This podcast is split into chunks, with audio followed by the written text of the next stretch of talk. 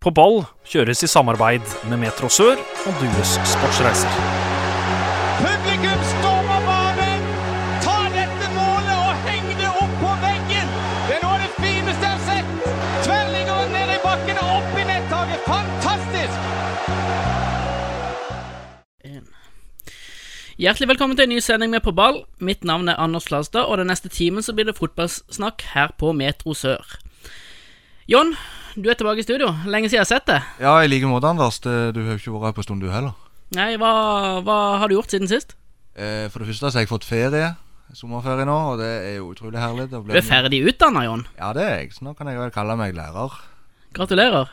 Tusen takk. Og du, du har vel fått ferie, du òg? Ja, jeg sitter vel egentlig i samme båsen jeg gjør det, så nå blir det godt med ferie. Men hva skal vi snakke om i dag, John?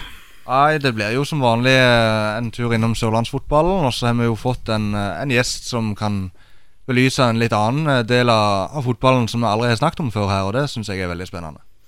Ja, for ukas gjest Han har du kanskje sett uh, i bakgrunnen uh, på TV-skjermen på Sør Arena. Han er um, arrangementssjef i Start og uh, daglig leder i Start Live Support. Hjertelig velkommen til oss, Olav Lindebø. Takk for det, og takk for invitasjonen, gutter. Du er jo et uh, kjent ansikt for de fleste som sitter oppe på uh, pressetribunen under kamp, men uh, kanskje ikke like kjent for uh, resten av våre lyttere og sånn og så. Eh, hvem er du? Som du sier, så er jeg jo arrangementssjef på de, liksom, de synlige arrangementene på Sparebanken Sør Arena. da. Arrangementssjefens oppgave er jo på en måte en overordna kontroll på, eh, på det som skjer på arenaen på kamp. da. Så eh, min eh, hovedrolle på kamp da er jo på en måte å holde litt i tømmene og, og oppfylle de kravene vi har overfor forbund og, og, og delegater og den, den type folk. Ja, så, så Det var vel mot Vålerenga det fikk beviset på at det ble årets arrangør i Obos-ligaen i fjor. Det stemmer. Det er jo eh, Roy Emanuelsen eh, som jeg tok over for eh, ca. halvveis i fjor, som eh, må dele den prisen sammen med meg. Men det er jo eh, en fin fjær i hatten for oss som på en måte driver med den delen av fotballen da, og får de utmerkelsene. Så den var, vi, den var vi glad for. Og det kan vi jo si, Anders, meg og deg som har, har dekka noen kamper for NTB rundt forbi. og på Sørlandet og litt sånn, så er jo Start eh, å komme på Sør Arena, en veldig flott stadion. Og utrolig fine fasiliteter og, og veldig gode arbeidsforhold. Så det er en veldig fin plass å komme til. Absolutt. Ja, vi er jo heldige som har de fasilitetene vi har. Vi er jo selvsagt vanvittig fornøyd med de mulighetene vi har på Sparebanken Sør Arena. Og eh, så har vi en, eh, en, veldig stor og god gjeng med frivillige som hjelper oss til å, å komme nettopp der vi ønsker å være. og eh, og bli da årets, årets arrangør i fjor, og på en måte ha gode tilbakemeldinger også på det vi har gjort til nå i år. Hvis det er kamp på, på søndag f.eks., hva gjør du på, fra mandag til fredag? Nei, Som dere sa i, i, i, begynnelsen, her, så har jeg på en måte en delt rolle. Så jeg, jeg jobber jo en del med vårt sosiale engasjement òg, som vi kommer sikkert tilbake til litt seinere. Men det er, jo, det er, jo, å snakke med politi, det er å snakke med sikkerhetsfolk, det er å snakke med motstander og prøve på en måte forutse de tingene som kommer på, på kamp. da. Og så har vi også delegater fra forbundet som er nede og evaluerer hvert, hvert arrangement vi har. Så det er jo på en måte å, å treffe de kriteriene som, som ligger hos forbundet, da. Så når Brann kom på besøk for noen uker siden, var det litt sånn ekstra fokus, for da visste det ble mye folk, eller er det akkurat som en annen kamp? Nei, det er klart et, et, ekstra, et ekstra, fokus på de kampene. Både Brann og Vålerenga kom med mye folk. Men Brann og Vålerenga er veldig flinke til å være bortelag, da, kan du si. Eh, de er flinke med å komme med informasjon til oss på, på, antall folk, på hvem som kommer, og når de kommer, og hvor de er en før kamp. Og, så det, det, er et samarbeid dette her mellom klubbene som, som fungerer eh, i all hovedsak veldig bra. Og de store klubbene er flinke til å, å fylle på med informasjon som vi trenger. Nå har vi hørt om litt uh, den sida av jobben din, men uh, sånn fotballinteressen generelt, uh, høyt står den? Åh, Den står fryktelig høyt. jeg vil jo si at jeg er godt over snittet interessert. Kona mi ville kalle meg en fotballidiot, så jeg ligger vel kanskje et sted mellom der, da. Men fotballinteressen min er, er, stor, og jeg er jo ufattelig heldig som får lov å ha dette som yrke også, da. Så det jeg føler meg privilegert og, og, og, heldig som får lov å holde på med dette i, i hverdagen. Da må vi ha en liten pause, og etter pausen så får du høre med fra Olav. Seieren er vår, seieren er vår. Vi har vunnet. Vi har eh, besøk av Olav Lindebø i, eh, fra IK Start og Start Life Support. Og eh, det er snart et eh, stort arrangement på Sør Arena. Uoffisielt NM for gatelag, stemmer ikke det? Jo, vi, vi sier jo at det er en nasjonal gatelagsturnering, og det er jo på mange måter et slags uoffisielt NM, ja. Eh, nå har vi ikke NM-status fordi vi mangler eh, med vilje en del godkjennelser på det. Eh, men vi er, vi er en nasjonal turnering, ja. Stemmer det. Og Starts gatelag, hva, hva er det? Jeg liker jo å si at Starts gatelag er klubbens nest viktigste lag. Så er det sikkert noen som vil, vil argumentere mot det. Men gatelaget er, et tilbud for uh, folk med rusbakgrunn. som trenger på en måte et, eh, et sted å være på dagtid. Og en, både en fysisk og, og sosial utfordring i hverdagen. Og der håper vi at vi kan på en måte være et tilbud til de, og et, et tiltak som, som hjelper de opp og fram og tilbake i jobb eller skole eller hva det skulle være. Og hvordan blir eh, de som spiller der, hvordan blir de med på laget? Er det sånn de må melde seg på sjøl, eller? Ja, I begynnelsen så drev vi jo litt med aktiv rekruttering, og det gjør vi til en viss grad ennå. Men uh, nå er vi så heldige at vi har eh, ekstremt dedikerte spillere som, som stiller opp for oss, og de stiller også opp i kall det rekrutteringsarbeidet. da. Så veldig mye skjer, uh, skjer internt hos oss, men selvfølgelig er alle som føler at de, de passer inn i den støpeskjea der, er hjertelig velkommen til å være med oss på treningene. Og så er det, er det to, to treninger i uka? Det er det. Ja. Det er to treninger. Det er onsdag og fredag. Og så trener vi en drøy time. Så samles vi etterpå for en eh, god lunsj og en, en sosial sammenkomst og en, en fin prat om uka som har gått og uka som kommer. Jeg syns det er så fint, for at når jeg, eh, selv om jeg eh, stort sett alle vennene mine er veldig fotballinteressert, så er det noen som liksom ikke skjønner helt hvorfor vi gidder å bruke så mye tid på det. Det er Elleve mann springer etter en ball og alt det der. Men det jeg pleier å si det at fotball er, er mye mer enn det som skjer på banen. Da, og det, dette her at vi får belyst det med gatelaget, det syns jeg er veldig veldig flott. For det viser at det, det er ganske mye større enn bare det som skjer på banen. da, tenker jeg. Jeg er helt enig med deg. Fotball er den, det, Altså, fotballen er jo på en måte så ufattelig mye mer enn det, det vi ser på TV og, og leser om i avisene. Det er, det er et samlingspunkt eh, over hele verden, og det er, det er på en måte en kulturbærer, om du kan kalle det det. Det er et, et sted hvor man samles på, på tvers av hva, hva det måtte være. Og det er jo akkurat det fotballen og gatelaget i Start skal være. Et, et fristed hvor man på en måte kan være 100% seg sjøl og være akseptert for det man er. Og så er vel A-laget ganske flinke til å stille opp på litt trening av og til. Hegg sitt. Ja, men i alt det, på en måte, alt det sosiale arbeidet vi gjør i klubben, er vi opptatt av skal være forankra inn i, i A-lagsgarderoben. Det er viktig for oss at de eh, både deltar på de prosjektene vi har, og også har et eierskap til det. Så, så mye av de tingene vi gjør utenfor banen, er, er kommet på initiativ fra spillere som har hatt ønsker om å, om å, å sette fokus på spesielle ting. Så forankringen i A-lagsgarderoben er, er ekstremt viktig for oss. Og du kommer rett ifra Sør Arena nå, der det ble spilt kamp. Meg og Anders var så to av tre omganger, vel. Eh, hvordan var det, og hvem spilte? Nei, Da hadde vi eh, siste oppkjøringskamp før, før kommende turnering neste uke. da, og eh, Tradisjonen tro så stilte administrasjon og utviklingsavdeling opp og, og møtte oss til en eh, stort sett vennskapelig kamp på Sparebank Arena i dag. Og eh, det er jo på en måte illustrerer jo litt at gatelaget har en, en god posisjon i klubben vår, og at uh, folk tar dem på alvor, og folk ønsker å, å delta inn i deres hverdag. Ja, for Vi så jo eh, på kampen at det er gode ferdigheter på, på veldig mange av de spillerne som spiller for gatelaget. Så Ja. de, de, har, de må jo ha en slags fotballbakgrunn fra før. Ja, det er mange som i utgangspunktet hadde ferdigheter fra før, men så er det faktisk sånn at de tilegner seg en del ferdigheter gjennom deltakelse på gatelaget òg. Og vi, eh, vi passer jo hele tida på at eh, det er det sosiale eh, som står i fokus, men eh, konkurranseinstinktet ligger ligger bredt ut på de også. eh, Som oss andre fotballinteresserte, så, så skjer det et eller annet når du tar på deg treningstøyet. Det var litt gøy å se på, det, på motsatt banehalvdel. Så så vi bl.a. venstrebeinet til Mick Priest. Og vi fikk se materialforvalter Rune Hægeland. Og den tidligere gjesten Marianne Lislevand fikk vist fram farten sin. Så det var litt gøy å se deg òg i aksjon, Anders. Ja, det var veldig gøy. Og eh, du ser jo òg med han Paul Gerhard og, og, eh, og han, at han har mye fotball i seg, han òg. Ja, Det er jo mange der som har eh, spilt på et visst nivå. Både Ole Gerhard og Joey og eh, ja, Mick for så vidt. Og, og mange andre har jo, har jo masse fotball i seg. Bare ikke, ikke bare på, i teorien, men også i praksis.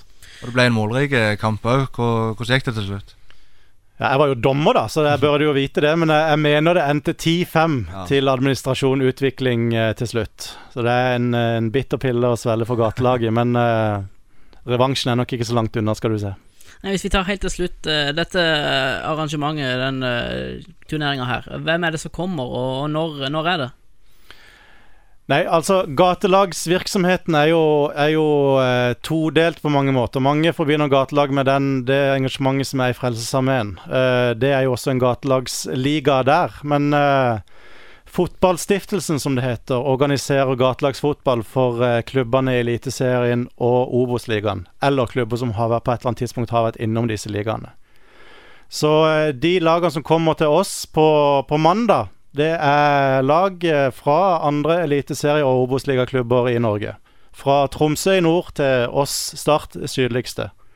Så eh, av de store lagene så er det Brann, og det er Vålerenga, og det er Strømsgodset, og det er Sandefjord, og ja, en hel rekke lag. Til sammen 15 lag på den turneringa. Og hva har eh, Start sitt gatelag satt seg som mål for turneringa? Det er jo å vinne, da.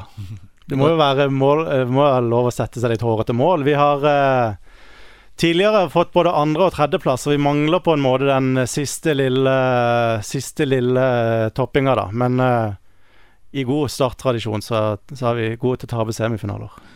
Da må vi igjen ha en liten pause. Heng med. Vi skal flå de ut på matta. Vi skal feire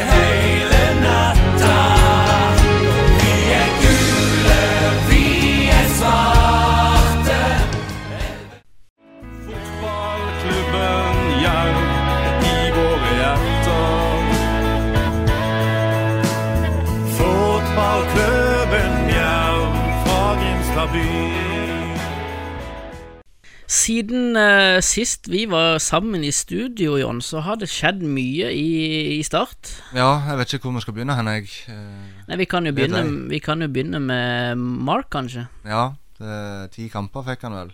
Og så er det jo ikke fungert og sånt, så jeg tror ikke vi skal ta for mye om det var, om det var rett eller galt og sånt, for nå har det skjedd, og det har kommet litt på avstand. Og jeg tenker nå er det ikke lenge før vi får vite hvem som er den nye treneren, antageligvis. Nei, det blir spennende å se hvem, eh, hvem det blir. Har du noen favoritter? Jeg var jo veldig klar på tidligere at jeg vil ha tidligere vikingtrener eh, Kjell Jonevre, jeg, da. Eh, nå er det ikke jeg som tar avgjørelsen, men eh, jeg syns han hadde passet kjempegodt. Han har Ja, hvorfor det? Han har erfaring. eh, han har, jeg fulgte han jo veldig godt i Viking, der han Jeg syns situasjonen minner litt om Start. De hadde Åge Hareide som trener og fikk inn veldig mange nye spillere, så fungerte det ikke. Og så kom han og, og redda de den sesongen, og, og ble jo i fire sesonger, tror jeg det var. Eh, og så klarte han seg med unge spillere. Han klarte, eh, og han eh, kan sette sammen et lag med det han har, da. Nå kommer jo sikkert Start til å hente litt spillere i, i sommer, men, og de har ressurser. Men jeg syns han er god til å, å gi sjansen til unge spillere. Og så har han i tillegg fått fram en del sånne unge utenlandske spillere, som f.eks. Chumma Remue nå, da. I Viking så var det jo Suleiman Abdullahi og Samuel Adek Benro. Mens i Molde, når han var der, så var det jo Mambi Ramdioff og Makta Tion og, og pappa til Dioff. Så, så jeg tror han, han er god til å sette sammen et lag. Han, eh, han er en offensiv trener, men han eh, bygger det gjerne bakifra med et solid forsvar. Så, og det føler jeg Start trenger nå. Hvis vi går mer inn på det som har skjedd nylig Nå var det kamp på søndag i Molde, og de taper 3-1. Eh, er, det, er det krise nå? Altså, De vant jo mot Bodø-Glimt, og det var en utrolig viktig seier. Eh, de tre poengene der gjør jo at avstanden blir kortere, og sånt, og du fikk litt Du var Og det, du, du, smil og litt ja, du glede. så jo det på reaksjonene hvor viktig det var òg. Mm. Og så kommer du til, til Molde eller, og skal spille den tøffe kampen der. Og sånn Før sesongen så tenker du uansett hvor Start hadde gjort, at det er ikke nødvendigvis en kamp jeg har i hvert fall hatt regnet med tre poeng. Og i den situasjonen de er nå, så føler jeg på en måte at du skal ikke legge for mye om du taper 3-1 der. Det som selvfølgelig er litt skummelt, er jo f.eks. det første baklengsmålet. Og egentlig alle baklengsmålene syns jeg er litt lette, men, men Molde trykker på så voldsomt i den kampen at eh, målene ville vel komme til slutt uansett. Og så var det jo gledelig å se det fantastiske målet til Aramu, som vel må være årets mål i Eliteserien. Ja, det blir nok uh, høyt oppe på den lista, i hvert fall. Men altså, det kommer jo òg to suspensjoner og fire skader. Ja, og det er litt verre. Um, Det er kanskje verre enn selve tapet, tror jeg. Men det er heldigvis en stund til Strømsgodsekampen, og suspensjonene får du ikke gjort noe med. Skadene er det litt verre med, men jeg tror Tjum og Aramu at det ikke var så alvorlig, sånn som jeg har forstått det. Men ja, Simon Larsen kan bli ute litt Ja, Eurosport meldte vel at han mister vel i hvert fall de seks neste Ja, og det synes jeg er litt sånn eh, Det er kanskje den mest utsatte posisjonen de er her akkurat nå, midtstopperposisjon. For de har ikke så bra dekning der, og, og det er jo der det har vært litt mest spørsmålstegn. Så, så den er harde. Og ja, de må reise seg. Det blir ikke lett mot Strømsgodset heller. Nå er det nå en stund til. Men uh, Du spurte om det var krise. Det, de ligger sist. Så, men eh, med nye trenere inne, og så er det jo i hvert fall nok kamper til å snu det på. Absolutt. Men litt mer positiv rundt start er jo at uh, Erik Vikne er tatt ut på U21-landslaget. Ja, det syns jeg er veldig gøy, og det kommer han garantert til å vokse på. Meg og deg snakket litt om før sending at uh, han eh, kom jo til start fra Mandal som en veldig ung spiller, og jeg syns han tok enorme steg ut forbi banen òg, liksom. At du ser at han er modna. Så det er kjempegøy med spillere på U-landslagene, og Tobias er vel på U19 nå òg. Ja, så I tillegg så har du Ugland som er på lån i Fløy, som er på G18. Mm. Så Så det må ta med alt det positive man kan. må det. Eh, I Grimstad, der flyr de høyt om dagen. Ja, det er veldig imponerende det Jerv holder på med nå. Det er vel tre eller fire strake Ja. Fire strake seire nå mot eh, ganske god motstand. Ja, og så er det sånn i Obos-ligaen at hvis du vinner et par kamper, så, så er du plutselig i andre enden av tabellen. Og, og fire seire, det er jo kjempebra. Og at de slår Viking, som har vært i toppen i hele år, det, det er imponerende. Og de knuste jo Viking i tillegg i, eh, i den siste kampen før sesongen begynte. Så jeg så et par fine tweets om det, at eh, det var en Viking-supporter som, eh, som lurte på om Eller ut ifra de kampene han hadde sett mot Jerv, så virker det ut som Jerv skulle ut i Champions League snart. Ja, Hvilke forhold har du til Jerv, Olav? Nei, Jerv er jo Vi er jo glad i Jerv. Vi, vi kjenner mange av spillerne fra bakgrunn i Start, og vi kjenner mange på kontorene. Og, og Jerv er en, en fin tilvekst i norsk fotball, uh, syns vi, og ikke minst i sørlandsfotballen. At vi har på en måte mer enn eh, kaller Start lokomotivet, da. Men vi har noen, eh, noen veldig gode lag som, som jager oss bakfra, og som på en måte kan bidra til at sørlandsfotballen eh, løfter seg. Så det Jerv heier vi på, og Jerv er vi glad i. Men øh, vil det skje noe med samarbeidet mellom Start og Jerv hvis Jerv rykker opp? Vet du noe om det? Nei, jeg tror jo at samarbeidet mellom Start og Jerv vil, vil bestå uansett eh, divisjoner. Vi, eh, vi snakker sammen godt på, på administrativt nivå, vi snakker sammen godt på sportslig nivå. Så det, det vil nok ikke endres av, av et eventuelt opprykk for Jerv. Det, vi ønsker de velkommen, vi. For vi skal i hvert fall bli der oppe. Det som kanskje Nå er det jo altfor tidlig å snakke om, og sånt, men jeg husker når uh, Ranheim rykte opp i fjor, så var det jo snakk om at dette samarbeidet med Rosenborg kanskje måtte avsluttes. Men de har aldri hatt noe offisielt samarbeid, Rosenborg og, og Ranheim. Så derfor kan de låne ut spillere på, på både på nabovennskap og, og sånt. Mens Start og Jerv har jo kanskje litt mer offisielt samarbeid. Da. Men uh, det får vi se om det blir aktuelt uh, når eh, neste sesong skal settes i gang. Når vi er tilbake, da blir det en tur litt lenger nedover i divisjonssystemet.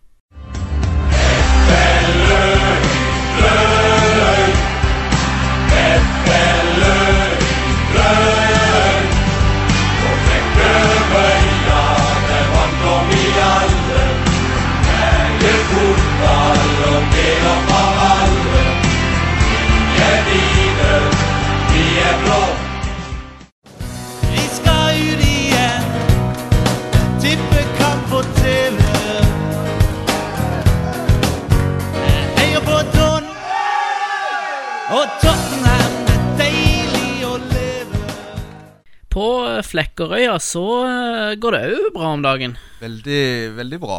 Tre seire på rad nå og ligger plutselig på fjerdeplass, tror jeg det. Og det var vel cirka Vi sa vel femte-sjetteplass før sesongen. Ja, og det er jo sterkt uansett om, om, om sånn som at de er nyopprykka, Ja, liksom. og Siste episode vi hadde, så snakket vi jo om at andredivisjon, avdeling to, den som Arendal fløy med, er nok kanskje den jevneste i hele Norge akkurat nå. Nå har ikke jeg oversikten så veldig mye lenger ned, men uh, Obos er jevnt. Men det er søren meg andredivisjon òg, så det skiller veldig få poeng, da. Men eh, veldig bra fløy, og nå skal de møte Egersund på lørdag, så, så de har gode muligheter der òg.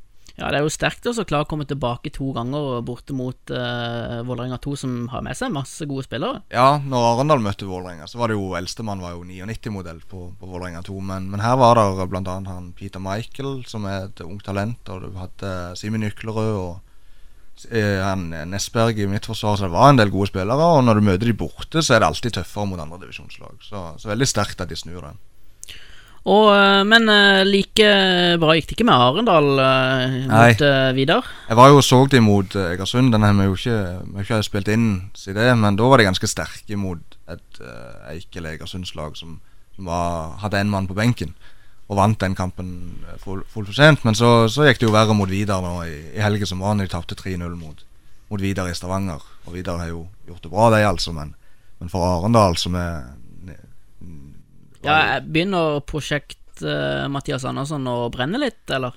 Da jeg var i Arendal eh, mot Eik, så lå det jo ikke så bra an på tabellen. Og da var det snakk om at de hadde hatt et par møter for å diskutere situasjonen litt. Det er jo bare sånn jeg har hørt, så om det stemmer, det kanskje litt dumt å si her. Men, eh, men så vant de den, og så gikk det jo dårligere mot, mot Vidar. Så det er jo ikke bra. De skal jo være i toppen. Så, så det skal ikke være for mange kamper til, tror jeg, før det er skikkelig Kan være litt krisestemninger. Du nevnte Fløy og eh, Eik på lørdag. Eh, tenker du om den? Jeg ser på Fløy som ganske klare favoritter. Eik har skåret to mål i år på, på seks kamper. Så skal spille den sjuende i dag, onsdag, når vi spiller inn. Eh, så, så det er mest pga. at eh, motstanderlaget har gjort det så svakt, så, så ser jeg på Fløy som favoritt. Og de, de har spilt greit i en del kamper jeg har sett i år, selv om jeg ikke sitter i, i noen av kampene de er onde. Og noen timer senere så får Arendal besøk av Brattvåg. Er det must win? Ja, det er det, eh, og det har de gode muligheter til. For Brattvåg har sin kurve har falt litt. De var litt sånn nyopprykka med en god giv i starten, og så er det normalisert seg litt. Og, og Brattvåg spiller jo òg kamp da onsdag, og kommer til Arendal på, på lørdag. Så de er jo flere kamper i beina nå. Så, så der er de mulighet, men det, det må de vinne. Beveger vi oss uh, en divisjon til ned, så kommer vi til tredje. Mm -hmm. uh, Don har vært høytflyvende, de, fram til nå. Ja, de møtte jo Ørn Horten uh, på lørdag, vel. Ellers, ja, i helga som var, da. Og Ørn Horten lå på plassen bak, på tredjeplass, og Don lå på andre før de spilte. Så ble det 3-0-tap der. Jeg forsto de, de reiste vel med litt fravær. Men, eh, men det tenker jeg er ikke noe stort sjokk at de taper, taper 3-0 i Horten. Eh, De har uansett gjort en kjempegod sesongstart og ligger på fjerdeplass i tredjedivisjon som nyopprykka. Så dette er imponerende. Og så er de jo utrolig sterke hjemme, da, Don. Ja, så du tror de kommer til å holde plassen? Ja, som de starta nå, så ser det absolutt sånn ut. Og selv om vi var skeptiske før sesongen, så, Ja, Vi var veldig skeptiske ja, før så er det jo bare gøy at de imponerer og uh, motbeviser. Absolutt. Og uh, i Vennesla, der uh, Det går ikke på skinner der Nei, men samtidig men det nærmer seg. Ja, de møtte jo serieleder Halsen i, borte, og det, da syns jeg at med uavgjort der og ganske mange sjanser på stilling 2-2, som det ble til slutt, så, så syns jeg egentlig Vindbjart viser litt av potensialet sitt i den kampen. Så det, det er bra. Så gjelder det jo å begynne å vinne. De, de, må jo, de er bare én seier på hjemmebane, f.eks. Så, så hvis de kan fortsette med det, eller ja, og fortsette å vinne hjemme, så kan det komme seg. Og det, de må høyere opp enn nedre halvdel. Ja, eh, det ligger vel nede i sumpa der akkurat nå. Ja, akkurat nå gjør de det, og så, så er det en del spillere som har vært skada, som er på vei tilbake. Så det, jeg tror det kommer seg i Vennesla. Don og Vindbjarte er vel òg noen eh, lag dere har litt med å gjøre i start, eh, Olav? Ja, stemmer det. Vi er jo eh, opptatt av at, eh, at klubbene rundt oss skal, skal både nyte godt av vår kompetanse, og at de skal gjøre det godt på, på, egne, egne arenaer. Så eh, du som du sier, Don og Vindbjart er jo, er jo to klubber som vi, som vi samarbeider med på et visst nivå. Don vil jo etter hvert ta over junioravdelinga vår, og, og de unge på Lund vil da spille i, i blått og hvitt. Jeg kom på det, Har du spilt noe fotball sjøl? Ja, jeg har det. Jeg spilte er fra Vågsbygda i utgangspunktet, så jeg spilte i Våg i, i noen år. Men så meldte jeg overgang til Start allerede da jeg var Hvor gammel kan jeg ha vært? Eh, Ni-ti år, tenker jeg. Og så spilte jeg i Start eh, fram til jeg var junior, eller andreårs junior, da. Mm. Så, og det får, Rekker du å følge med noe på de andre sørlandslagene oppi alt dette, eller eh, er det mest internasjonal fotball som, som fenger? Det er jo Start først og fremst som Ja. penger, da. Og så er det mye internasjonalt. Jeg må innrømme det. Eh, Men eh, jeg, får med meg litt resultater og ser litt på tabeller, og så, så konstaterer jeg mer enn jeg, enn jeg mener så mye om akkurat eh, de lagene i lavere divisjoner. Men eh, som eh, Vågs, eh, tidligere Våg-spiller, så må vi vel videre til deg i neste del, tenker jeg. Yes, eh, etter pausen så eh, skal vi få høre litt om målbonanzaen som har vært i fjerdedivisjon den siste uka. Helle mitt inn, heia og krim. Brim og kryr, vi går i stil. Oktober 18 ble vi til den beste klubben her. Vi er vikør, vi er vikør,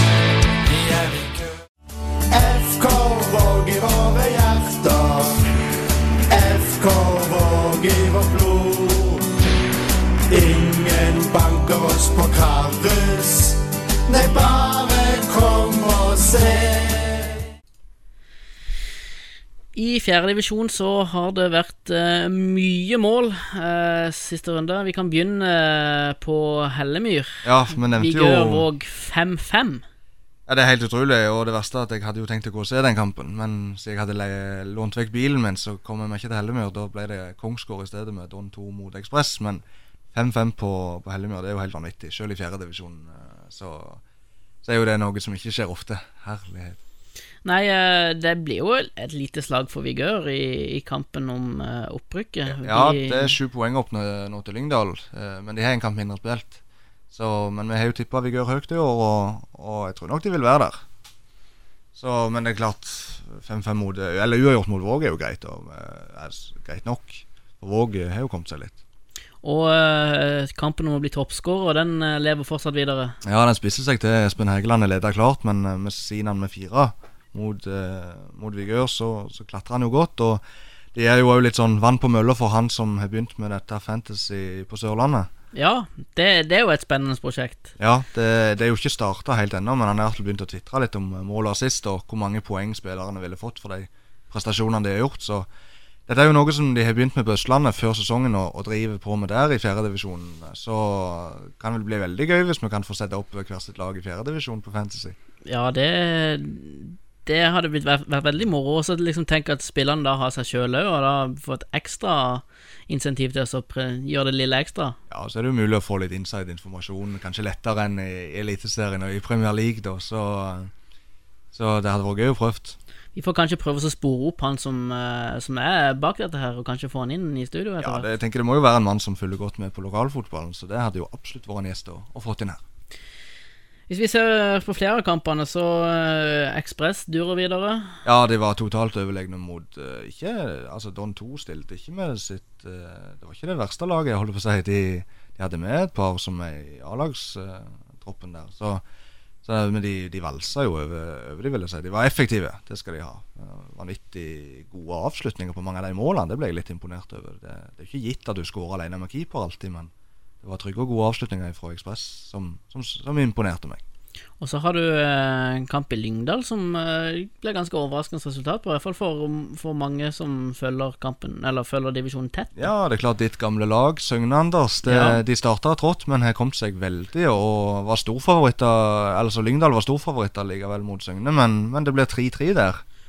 Er det store ting på gang i Søgne? Nei, det virker som om eh, det har løsna litt. Nå har jo Ditlef, eh, som vi har hatt inne som gjest tidligere, eh, vært skada hele vinter og endelig tilbake, så han er veldig viktig for det Søgne-laget, han. Det er klart. Så, eh, og i tillegg, når de får inn de uh, ideene til Svein Einarsen, Ja, Som er med og hjelper som er til. med å hjelpe til i Søgne nå, så hjelper nok det òg veldig mye på uh, det at ikke Jarle Rogstad og Ditlef Ulland må styre den skuta helt sjøl. Ja, absolutt sant. Og så, så er det vel Randesund da som, som tar sin andre seier for sesongen. Jeg skulle til å si endelig, men det var ikke så lenge siden de vant sist. De to seirene nå i mai. Men, men det var Vi hadde venta litt på det. Og de slo jo Kvinesdal greit 5-0, vel. Mm. Så de kom seg vel over streken da, tror jeg. Ja. Og ditt nye favorittlag, da? Tenker på Flekkefjord. Ja, Ja, det ble vel Ble det uavgjort? Ja, det ble jo 3-3 mot Fløy 2, Stemmer det? så eh, Fløy 2 har jo gjort det bra. Fløy 2 har gjort det bra. De er med og kjemper i toppen, de. Mm, og jeg har selvfølgelig sett høydepunktene fra kampen, som legges ut på Facebook fra Flekkefjord. Det filmes godt som vanlig, så det syns jeg er veldig fint. Får vi se gode prestasjoner derfra. Og de to siste kampene er jo an, nesten rene andrelagskamper. og- Eller Jerv, Jerv MK, eller Jerv 2 MK, 4-1. Uh, Jerv stiller med mye, mye gode spillere. Ja, Jerv fortsetter å være sterke hjemme Ja. og svake borte. Og så har du Arendal 2 mot Vigø Nei, uh, Vennes Vindbjørn 2. Ja, og der ble det jo soleklar hjemmeseier 7-0. til Arendal 2. Som, som ligger på andreplass, tror jeg, eller tredjeplass. Ja.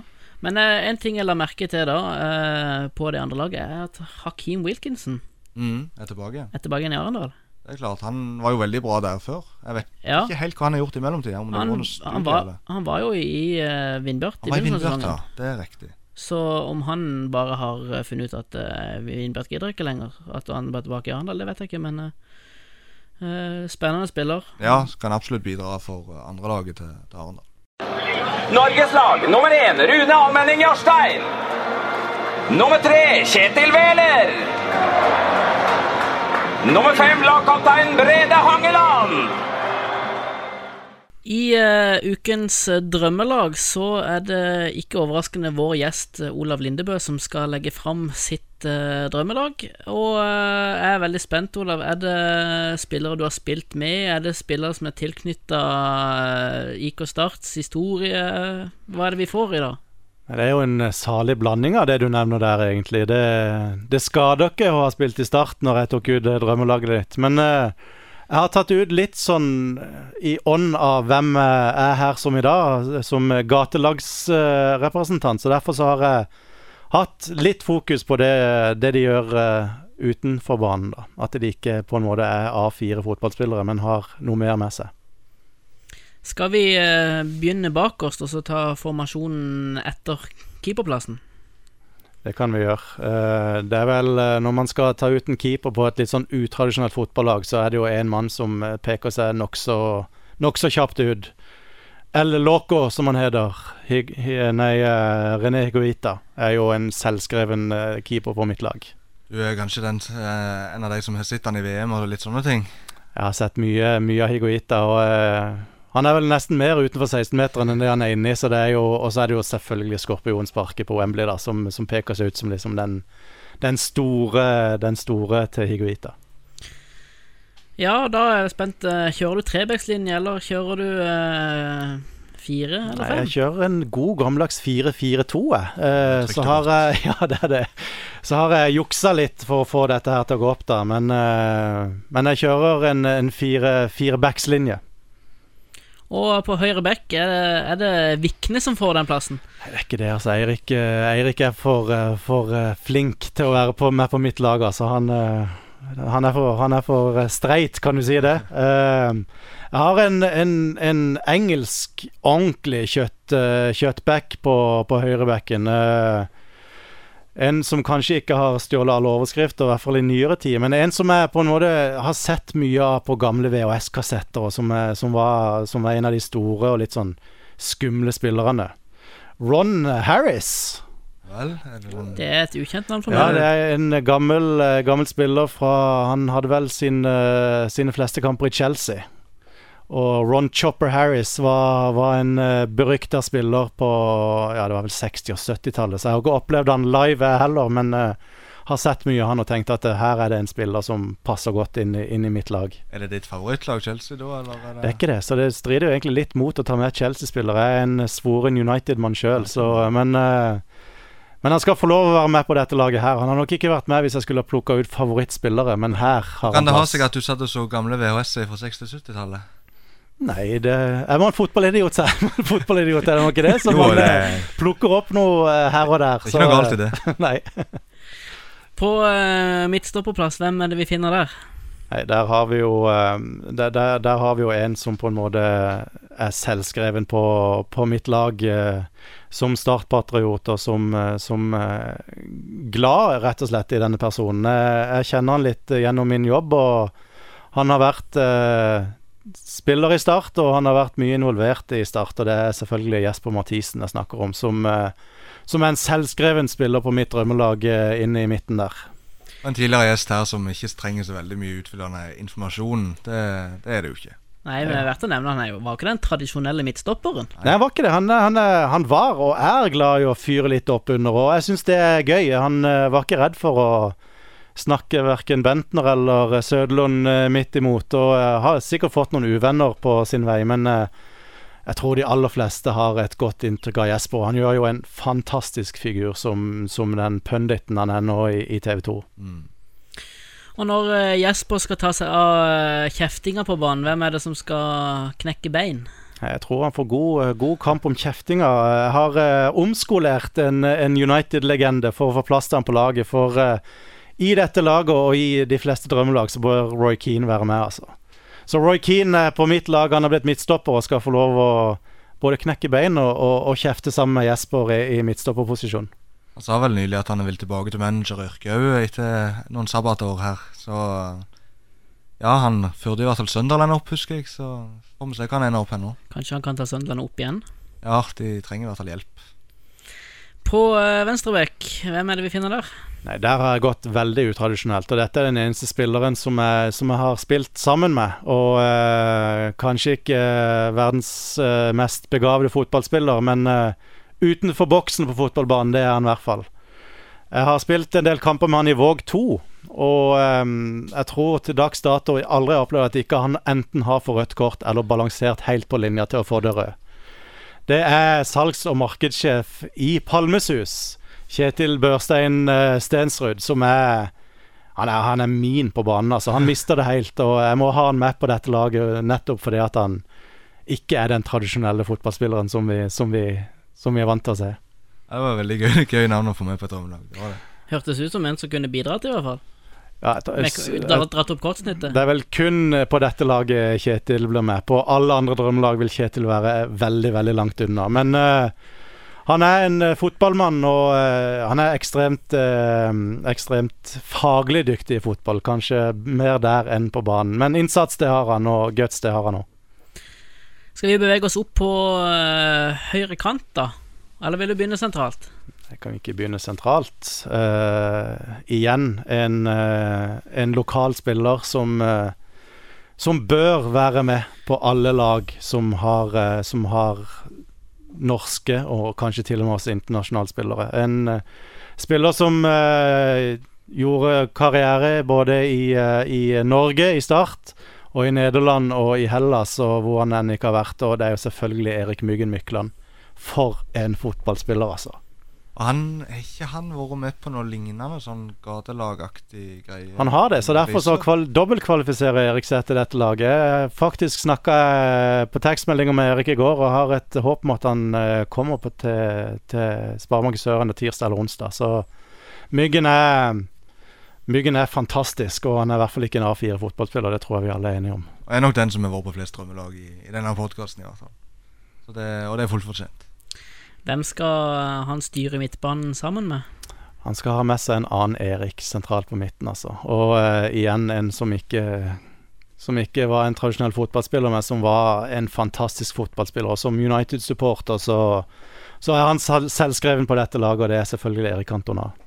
Det er en, en nydelig, nydelig, nydelig fotballspiller, men også en eh, litt gal fotballspiller. Akkurat sånn som de skal være på mitt drømmelag. Det, det er litt sånn der eh, Det var vel VG som kom med denne her United-utgaven nå nettopp på, på 99 sider, som fulgte med den ene avisen. Og jeg leste jo den, og, og at han liksom er Han var jo ikke så mange år i United, og jeg har jo ikke opplevd han sjøl, men at han rangeres som De satte sånn de 99 beste spillerne i historien. Han var helt der oppe, liksom. Selv om han bare var det i noen få sesonger. Det, det sier så mye, selv om jeg har sett han så lite.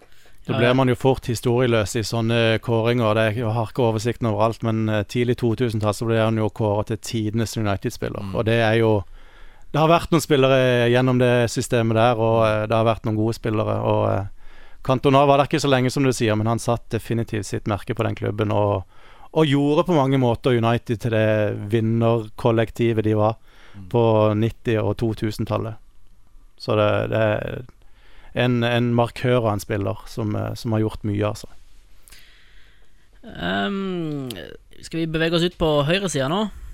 Det kan vi gjøre. Der har vi, eh, der har vi en eh, ny United-legende, og en ny mann som, eh, som gjorde seg bemerka utenfor banen også, som, som uttalte at han brukte 90% av pengene sine på pike og vin og sang, og resten kasta han bort. Eh, han ble vel innhenta på mange måter av livsstilen sin etter hvert, og, og, og fikk kanskje ikke verken uh, leve så lenge som han burde, eller eh, ut sitt eh, fulle potensial på banen. Men det er jo George Best, selvfølgelig, som, uh, som må være med på mitt lag som United-supporter, og som, eh, som fotballglad mann. Og, eh, og en mann som ser litt utenfor banen også. Så var George Best eh, et godt alternativ der. Absolutt en eh, verdig, verdig mann på det der laget her. ja. Hvem eh, Skal du ha en litt mer avbalansert type på venstre, eller blir det en like dribleglad og festglad type? Nei, dribleglad det er han. Eh, Festglad ikke så mye. Han er vel ikke så veldig kontroversiell, han har på kanten der. Men uh, en spiller som, som vekka min interesse for fotballen tidlig, seint 80-tall og tidlig 90-tall. Og som på en måte var en skandinav som viste at det var mulig å være, være god fotballspiller selv om du kom fra det kalde nord. Og eh, jeg husker jeg eh, i 92 omtrent grein hun bitre tårer når det kom fram at han ikke skulle være med Danmark til EM, for han var i en krangel med treneren sin. Og det, det var en tung pill pille å svelge, men, eh, men nå gikk det jo greit for Danmark i 92, da, som, som vant hele turneringa. Og det var til og med uten Mikael Laudrup. Men, men var det rett og slett på krangelen med treneren som gjorde at han ikke var med? Det, Jeg mener det. Nå har jeg ikke all, all Nei, for det er ikke så lenge siden det, jeg men, eh, leste at han ikke var med da. Jeg hadde jo alltid tenkt at han var det. Ja, Han var ikke med i det EM-et der, og det tror jeg var ene alene på en uoverensstemmelse med treneren. Så Det var jo noen som lanserte han som en aktuell mann for Start. Eh, Jeg tror det blir vanskelig å kjøpe han fri fra er det, Qatar eller Emiratene eller hvor han er. ja, han er trener der nede, og, og eh, ja. Vi har, eh, vi har spenstige eiere som, eh, som eh, gjør mye, mye bra for klubben, men eh, ja, der må du nok grave ganske dypt, ja. Det tror jeg. Jeg er glad. På eh, topp så regner jeg med du har eh, litt av hvert. Målsniker, uh, tankspiss. Ja, det, igjen må jeg tilbake til mitt eh, sørlandske hjerte og mitt starthjerte, som, eh, som gjør at jeg plukker ut eh, kanskje førstemann på dette laget, som kom umiddelbart. Eh, ikke noe, ikke noe kontroverser rundt han så ofte, men han var jo frittalende, og han var, hadde en fantastisk penn også. Han eh, skrev mye bra i Feven. Jeg husker fra min tid eh, om han bladde opp i Feven og se, se hva Matte har skrevet i dag. Svein Mathisen eh, igjen betydde betydd ufattelig mye for klubben i mitt hjerte. Jeg har vært så heldig å jobbe sammen med Svein før han gikk bort, og eh, det, er en, det er en stor mann. Det er en, det er en presence der, og det er, det er en, en mann du lytter til, og en mann du elsker å lytte til, for han var jo en, en mester i å fortelle historier, og historier de hadde han mange av.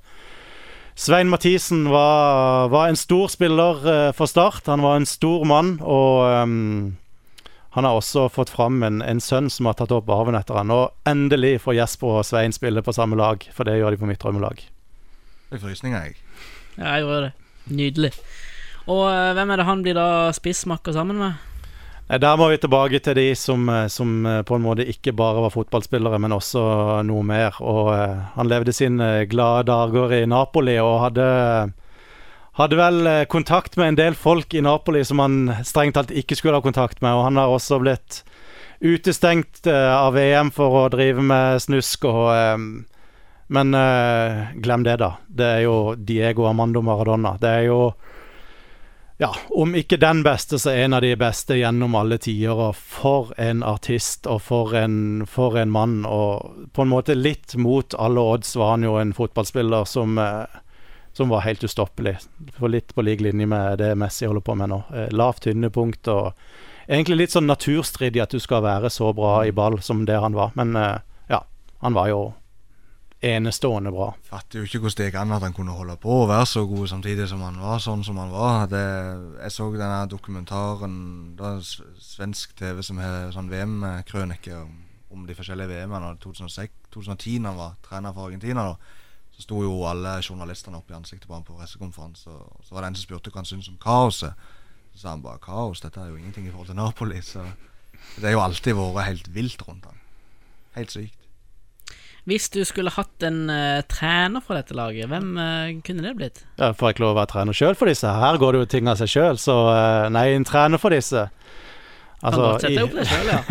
Kan jeg ikke få lov å være assistent der? Og så, så tror jeg kanskje det sier seg litt sjøl, hvis man er United-supporter, hvem som bør være trener for dette laget. Der er det ingen over, ingen ved siden, og ingen egentlig i nærheten heller, syns jeg. Sir Alex Ferguson er, er selvskreven trener til dette laget. Han var jo flink til å kontrollere noen kontroversielle typer òg, så så han hadde nok klart det, ja. Og eh, hvis du skulle hatt en draktfarge på dette laget, regner jeg med det da ville blitt eh, rødt som eh, United sine drakter, eller blir det gult og svart som i start? Jeg tror jeg må ha de gult og svart, altså. Og så får de heller ha ei reservedrakt som er, som er rød og hvit. Så, men gult og svart er det som stikker dypest, og det som er størst del av mitt fotballiv. Så de blir gule og svarte. Og John, eh, lenge siden vi har tatt denne, men hva kan du gjøre med dette laget? Det kan du eh, printe ut og henge opp på veggen. Altså där, jeg syns vi mangler litt lite eh, intensitet. At vi, vi, vi, er litt vi er der, men vi er ikke der. Altså vi, vi er der, men vi er ikke der. Altså vi, I uh, ukens Der, men ikke der, så har vi litt forskjellig i dag, Jon. Skal vi begynne med Fløymila? Jeg tenker vi begynner på, på Flekkerøy der. For de arrangerer jo nok en gang Fløymila. Vi har snakket om det før. Og det, det viktigste vi må få fram her nå, er jo at jeg flytta fra september til 16. juni. Og at eh, tidligere så gikk jo vel, var vel dette her for at eller klubben skulle tjene penger, da. Men nå har det jo begynt de siste årene og, og at eh, inntektene skal gå til et veldedig formål. Og I år er det til Stine Sofie Stiftelsen. Eh, og jeg vet i hvert fall at eh, programleder til vanlig, Håkon Kile, han skal springe. Mm. Eh, Jeg kan ikke love at jeg skal springe sjøl, men eh, Skal du springe, Olav? Jeg kan love at jeg ikke skal løpe, så det, da- det, der er jeg nokså klar. det er greit å få spikra det, egentlig. Så Nei, men det er jo alltid, alltid kjekt med fløymila, og det er klart at han som har gitt meg litt info om dette, sier jo at det er den mest spennende milet på, på hele Sørlandet, og en god løypeprofil, og selvfølgelig at inntektene går til et for, godt formål. Jeg hører jo rykter om at uh, det er en bankett i ettertid. Ja, og der er alle velkomne. Det syns han òg var viktig å få med, så jeg kan vel kanskje stille på banketten, i hvert fall. Det tenker jeg er litt mer passende. Ja, kanskje. Og Tilfeldigvis skal jo den være på Sparebanken Sør Arena. Og da er det jo kanskje noe med den å gjøre. Jeg har vært innom på noen diskusjoner rundt den, ja, så jeg skal nok ha noe med den å gjøre. Men det er jo vår eminente kokk på Sør Arena, så Henning i, eh, i Fristeren, som, som står for det meste av det arrangementet. Og så hadde vi vel litt mer på Ja, vi har uh, fotballfritidsordninga. Ja, i Søgne, i hvert fall. Søgne har starta opp igjen. uh, på frivillig basis. Nå er ikke det noe nytt. Frivillighet er jo veldig veldig viktig i fotballen. Ja, men det er heller ikke en selvfølge. Så det, det er veldig kjekt å, å høre at det er opp igjen i, i Søgne. Og det er jo vel, blitt veldig vanlig med FFO, både som fotballfritidsordning, men òg som sånn aktivitetstilbud. I, så det ikke bare blir innesitting og, og PC-skjerm på, på ungene, da. Vet jo at de er veldig flinke til, til det i Vennesla, og der er det jo masse A-lagsspillere med og bidrar og I tillegg så er vel Daniel også innom der av og til. koordinerer litt. Daniel er veldig aktiv i FFO i, i Vindbjart, faktisk. Så det, det er han veldig glad i. Og det er jo litt i ånd av den er og den, den er, og den rollen jeg har i Start, så er jo det noe som vi setter veldig høyt hos våre spillere. Fantastisk innsats av Daniel der oppe. Ja, og så er det litt sånn at det- ungene skal se opp til, til startspillerne og alt sånt. Og når du da får, får treffe noen startspillere på, på trening i, i moderklubben din, sant, så, så er jo det kjempestort. Jeg husker jo sjøl det at uh, når det var fotballskole rundt om uh, på sommeren når startspillerne kom, det, det var en stor dag. Så uh, å ha sånne ambassadører som tar seg tid til å komme på sånne arrangementer og, og jobbe med ungene tett Mm. og ofte, det, det er viktig for både interessen og, og kompetansen.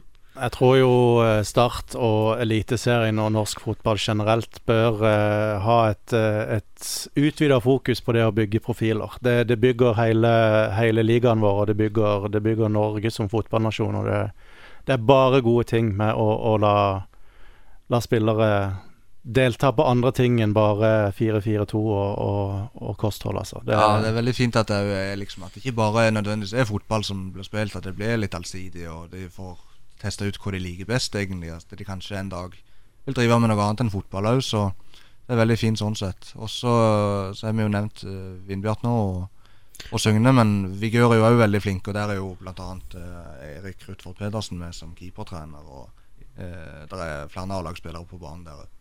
Ja, du nevnte jo òg eller før sending i dag, eh, Jon, eh, det intervjuet som ble gjort med Segberg før kampen mot Vigør. Ja, og det er jo liksom, jeg syns det var veldig fint eh, at han, han er jo veldig glad i begge klubbene. Det viser han jo at han kjenner veldig mange, og hvor mye Vigør har betydd for han, og, og at det er en sånn connection der. Over på noe litt annet. Uh, har ingenting med Start å gjøre, og ingenting med sørlandsfotballen å gjøre, men uh, det er et eminent navn som uh, plutselig dukka opp på trening i Strømsgodset i dag. Ja, det var ikke mange timer før vi satte oss ned her at meg og deg så, satt og så det på at Usain Bolt ble presentert for ikke, kanskje ikke sine nye lagkamerater, men i hvert fall lag han skal trene med i ei uke eller et eller annet sånt. Så det er ikke så lenge til Bislett Games om han er i Drammen og lader opp til det. det selv om han ikke skal delta lenger, så, så er han iallfall på besøk i Norge en tur. Tror du han kan holde nivået, Olav, i, til å kunne spille eliteseriefotball? Ja, Nå har han jo gått fra å si han skal spille i United via Dortmund og til Strømsgodset, så eh, vi må fingrene i jorda si at det, det går nedover på skalaen her. Men eh, jeg må jo ærlig innrømme at jeg tenker at jeg håper ikke han klarer det. Og det, jeg tror heller ikke han klarer det, for det å spille eliteseriefotball, det er en ganske mye større prestasjon enn enn de fleste folk eh, innser, tror jeg, altså. Og så, ja, jeg er helt enig for at liksom, hvis han hadde vært god nok, det er noe jeg aldri tror, så du skal spille fotball hele livet for å bli god nok til å spille eliteserie. Eh, og han har mye fart, eh, og han er et vinnende vesen, men, eh, men jeg håper heller egentlig ikke at han er god nok. Eh, så, men jeg håper at det går bedre eh, med Usain Bolt på prøvespill enn det gjorde når Morten Ramm var på prøvespill i, i Strømsgodset for noen år siden. Den videoen så vi vel nettopp på, på Anders.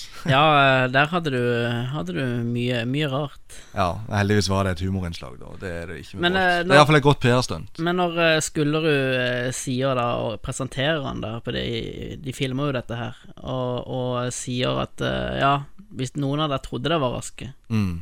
nå kommer dere ikke til å henge med. Nei, og så, så er han jo selvfølgelig rask, men det, det er annerledes å springe på en bane med, med piggsko og rett fram. Fotball er Da skal du springe i alle retninger, du skal ikke springe 100 og 200 meter i strekk. Så det er klart han kommer til å vise at han er rask, men, men eh, det handler om mye mer enn fart. Selv om fart er blitt veldig viktig i fotball. Mm. Jeg tror det er der kanskje vi, eh, vi mannen i gata er lengst unna de virkelig gode fotballspillerne. Det er den intervallkondisen. Der er vi ufattelig langt unna å være i nærheten av dem. Så det er, det er ganske sjuke greier når man begynner å se på hva de holder på med, og hva de presterer. Så det, ja, det er som du sier, det, er- det er langt, eh, langt fra å løpe 100 meter rett fram med piggsko til å løpe intervaller på en fotballbane. Altså. Ja, og så Litt av den forskjellen så vi jo, i hvert fall jeg spesielt, eh, når eh, Start spilte mot Don i oppkjøringa. Mm. Eh, en spiller som vi ser på som veldig hurtig i Don, Alexander Ruden, ble parkert av Rolf Daniel Vikstøl. Som Som jo ikke blir sett på det som den raskeste. Nei, og da viser det liksom at hvor den nivåforskjellen faktisk er. Uh, at den er mye større enn en folk tror. Og det fikk du et veldig, veldig synlig eksempel på akkurat der. Ja, også, men vi så jo når Bolt kom inn eh, på møterommet i Strømsgodset, og du så på en måte på Skullerud at det, det var litt sånn humor inne i bildet her. Så heldigvis, holdt jeg på å si. Nå har jo Godset på en måte ingenting å tape Nei, på å ta han inn i den treningsuka som kommer nå, og så får jeg håpe de tar han med seg på lagbussen der til Sparebanken Sør Arena neste helg. Det hadde vært stas. Ja, og plutselig så er det en ny uh, Godset fått en, fa- en supporterklubb på Jamaica òg, så det kan jo plutselig gi litt ringvirkninger. Vi er straks tilbake. For vi skal danse med myggen i sola. Vi skal danse med myggen. Vi eh, nærmer oss slutten på dagens sending, men eh, vi må bare oppfordre folk til også, folk som er interessert i fotball, å komme på Sør Arena til uka, Olav.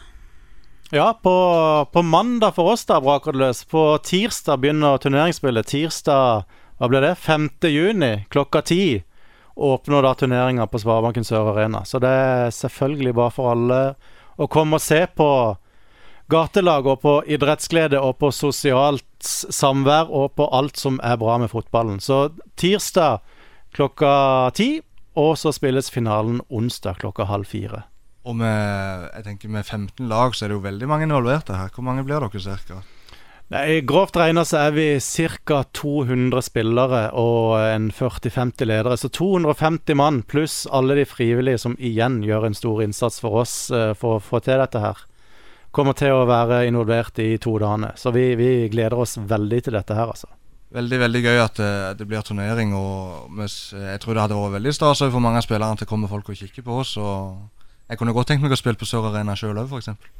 Ja, vi snakka jo om det at uh, det kjennes litt ut som uh, hellig grunn, Sør Arena. Ja, det skal være litt sånn, syns jeg. For det er tross alt laget er et eliteserielag. Og så snakket vi òg om at det kanskje var enda mer spesielt når det var gress. At det på en måte det gresset ligger kun på Sør Arena, mens kunstgresset er Da er det ikke så spesielt, men, men det er jo det. Gå ned der på matta og, og spille, spille på den plassen du ser på TV. Jeg står jo ofte på, på det vi kaller indre bane på kamper, da. Og det å spille ut på der Nå er vi eh, mellom 4000 og 6000 på Sparebank Søren til vanlig, og det, det er et sinnssykt trøkk, altså.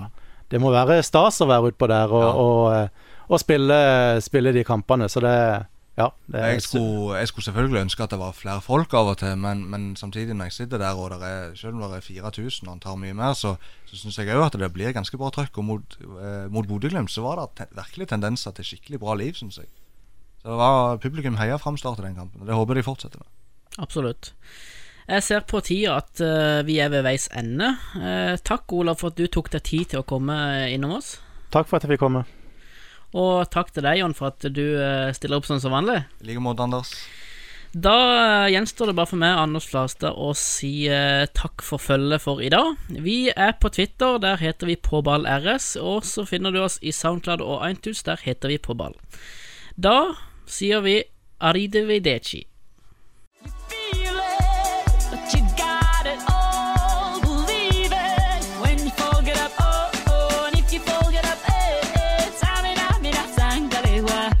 this is Africa. Tamina, mina.